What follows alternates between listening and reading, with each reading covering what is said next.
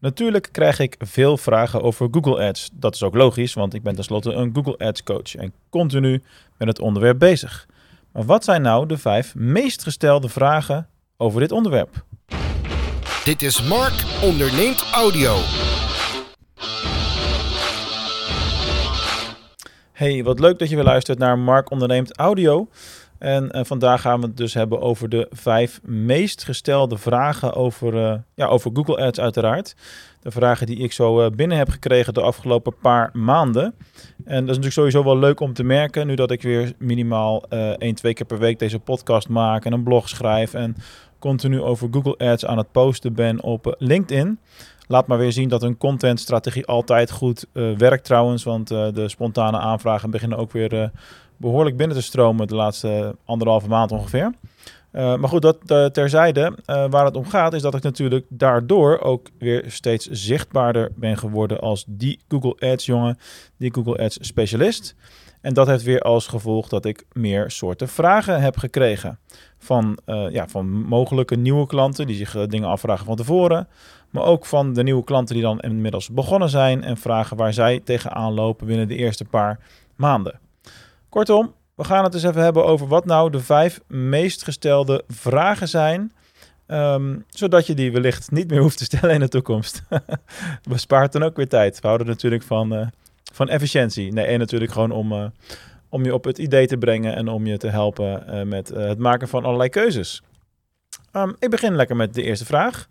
En de vraag die mij vaak gesteld wordt is: Mark, welk budget moet ik gebruiken per maand? Het gaat dan vaak nog niet over het niveau van uh, budgetten per campagne of dagbudgetten. Maar ze willen gewoon weten, oké, als ik met jou Google Ads ga uh, doen, um, wat, wat, heb je dan, wat raad je dan aan voor mijn branche? Vaak ook nog erbij als budget per maand.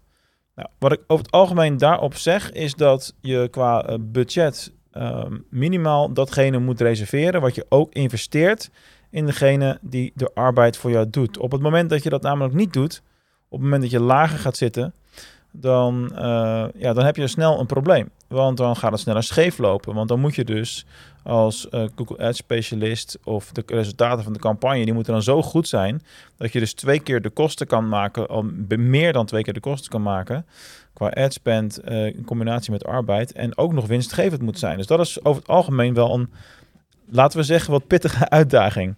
Dus mijn advies is daar altijd van, oké, wat je ook spendeert aan een Google Ads specialist. En dan maakt het niet uit of het gaat over dat je het laat doen of dat je je laat coachen natuurlijk, want de kosten zijn hetzelfde. Niet in absolute euro's, maar in uh, het kostensoort. Hè. Kostensoort is, uh, is arbeid of advisering. Dus ja, maakt niet, niet heel veel uit. Stel dat je iemand inhuurt voor 500 euro per maand. Reserveer dan minimaal 500 euro per maand voor je adspend. Zie je iemand voor 1000 euro in, 1000 euro adspend, 1500, 1500 euro adspend enzovoorts. En dat is de manier hoe ik er tegenaan kijk als wat de ondergrens zou moeten zijn, omdat het dan niet scheef gaat lopen met elkaar. Dat was de eerste vraag. Dan als tweede vraag die mij vaak wordt gesteld is: als ik met jou ga werken, hoe lang duurt het dan voordat we winst gaan maken eh, binnen de campagnes? En het eerste wat ik dan zeg is: goh, maak je nu dan nog geen winst? Want over het algemeen stap ik in een project natuurlijk in waar er lopende campagnes zijn en uh, waar men dan het gevoel heeft, en 9 van de 10 keer terecht natuurlijk, uh, dat er wat te winnen valt, dat er een beter resultaat te behalen zou moeten zijn. Um, ja, en op het moment dat ik dat gesprek voer, dan is het eigenlijk zo dat, um, dat ik aangeef, nou gemiddeld genomen ben je binnen drie maanden winstgevend, of is je resultaat in elk geval flink verbeterd ten opzichte van nu, als je al winstgevend bent ook. Dus het maakt niet uit wat je startpunt is. Maar uh, ja, we werken met een bepaalde strategie in de advisering. Um, ik heb bepaalde methodes die ik graag gebruik. En die ook waarvan ik weet wat voor resultaten ze gaan opleveren. Um, ja, en dan, en dan moet je dus daar een bepaalde periode voor nemen. Die periode is over het algemeen zo'n drie maanden. En dan zie je een groot verschil ten opzichte van hoe het was. En dan kun je vanuit daar kun je continu door blijven bouwen en door optimaliseren. Om het telkens weer maand na maand een stukje beter en waar mogelijk dus ook winstgevender te maken. Het gaat overigens niet altijd bij iedereen puur om die winst. Hè. Dat hangt ook een beetje van je strategie af. Ik heb bijvoorbeeld ook een klant die uh, target op een ROI van uh, 0,9. Dus daar mag de, mag de kosten-batenverhouding negatief zijn, omdat ze een marktaandeel willen veroveren en groter willen worden. Dus daar is de groeiambitie bijvoorbeeld belangrijker dan de pure winstgevendheid. Nou, dat verschilt dus sterk per, per project. En dat is, is gewoon op basis van welke afspraken we dan uiteindelijk met iemand maken natuurlijk. um, Ja, dan, dan, de volgende. Dat is dan een vraag van uh, bestaande klant. Dat zijn eigenlijk twee achter elkaar.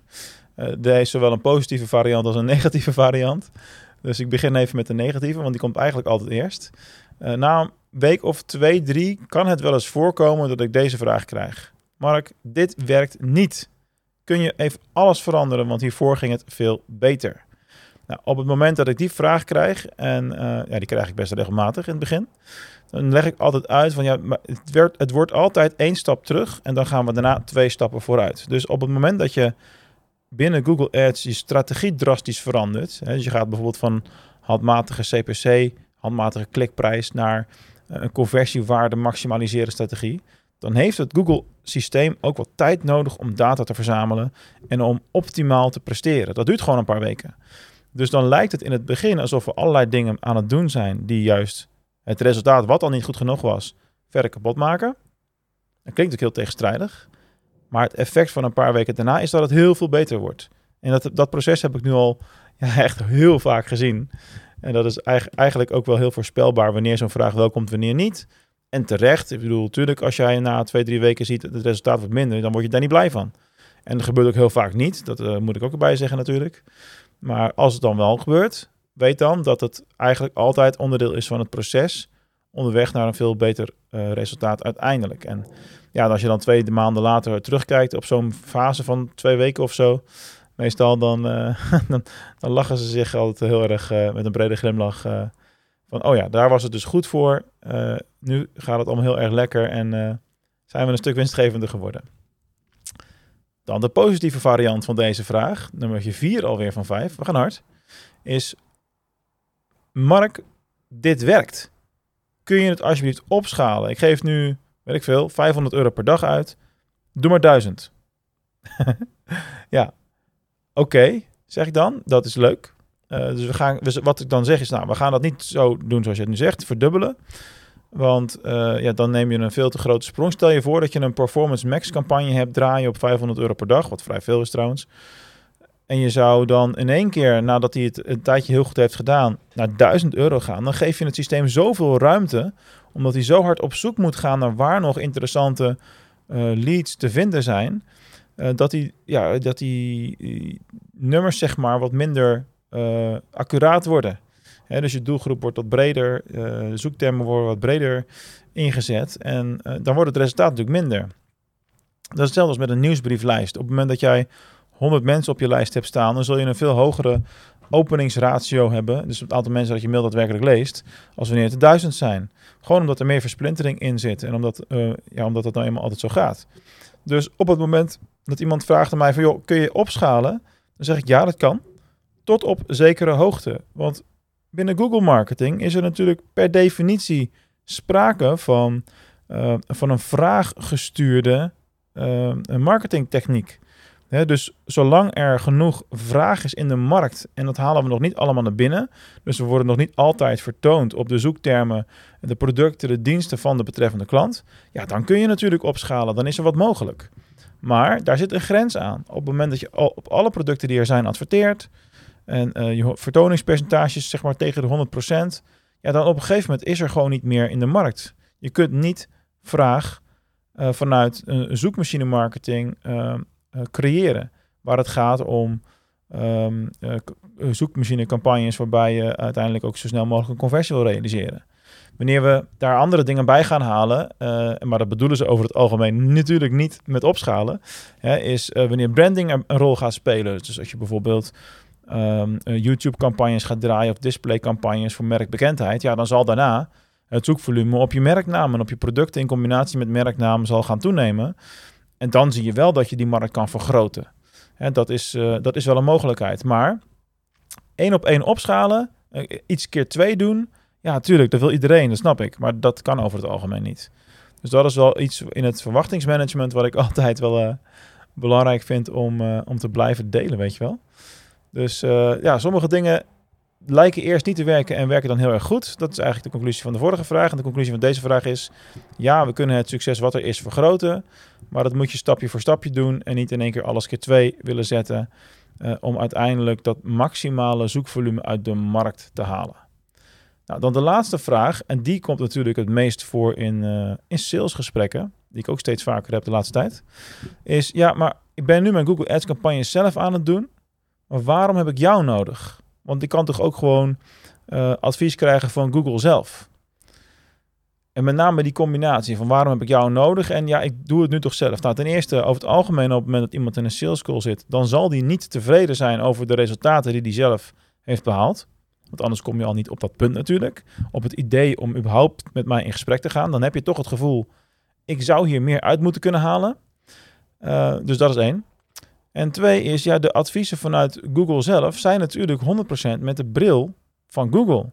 En afhankelijk van hoe groot je account is, krijg je ook een bepaalde ja, level, noemen ze dat bij Google zelf ook, uh, van uh, accountstrateeg of überhaupt niet eens. Uh, dus dat is ook maar een vraag. En ja, die adviseert natuurlijk vanuit het belang van de klant in combinatie met het belang van Google.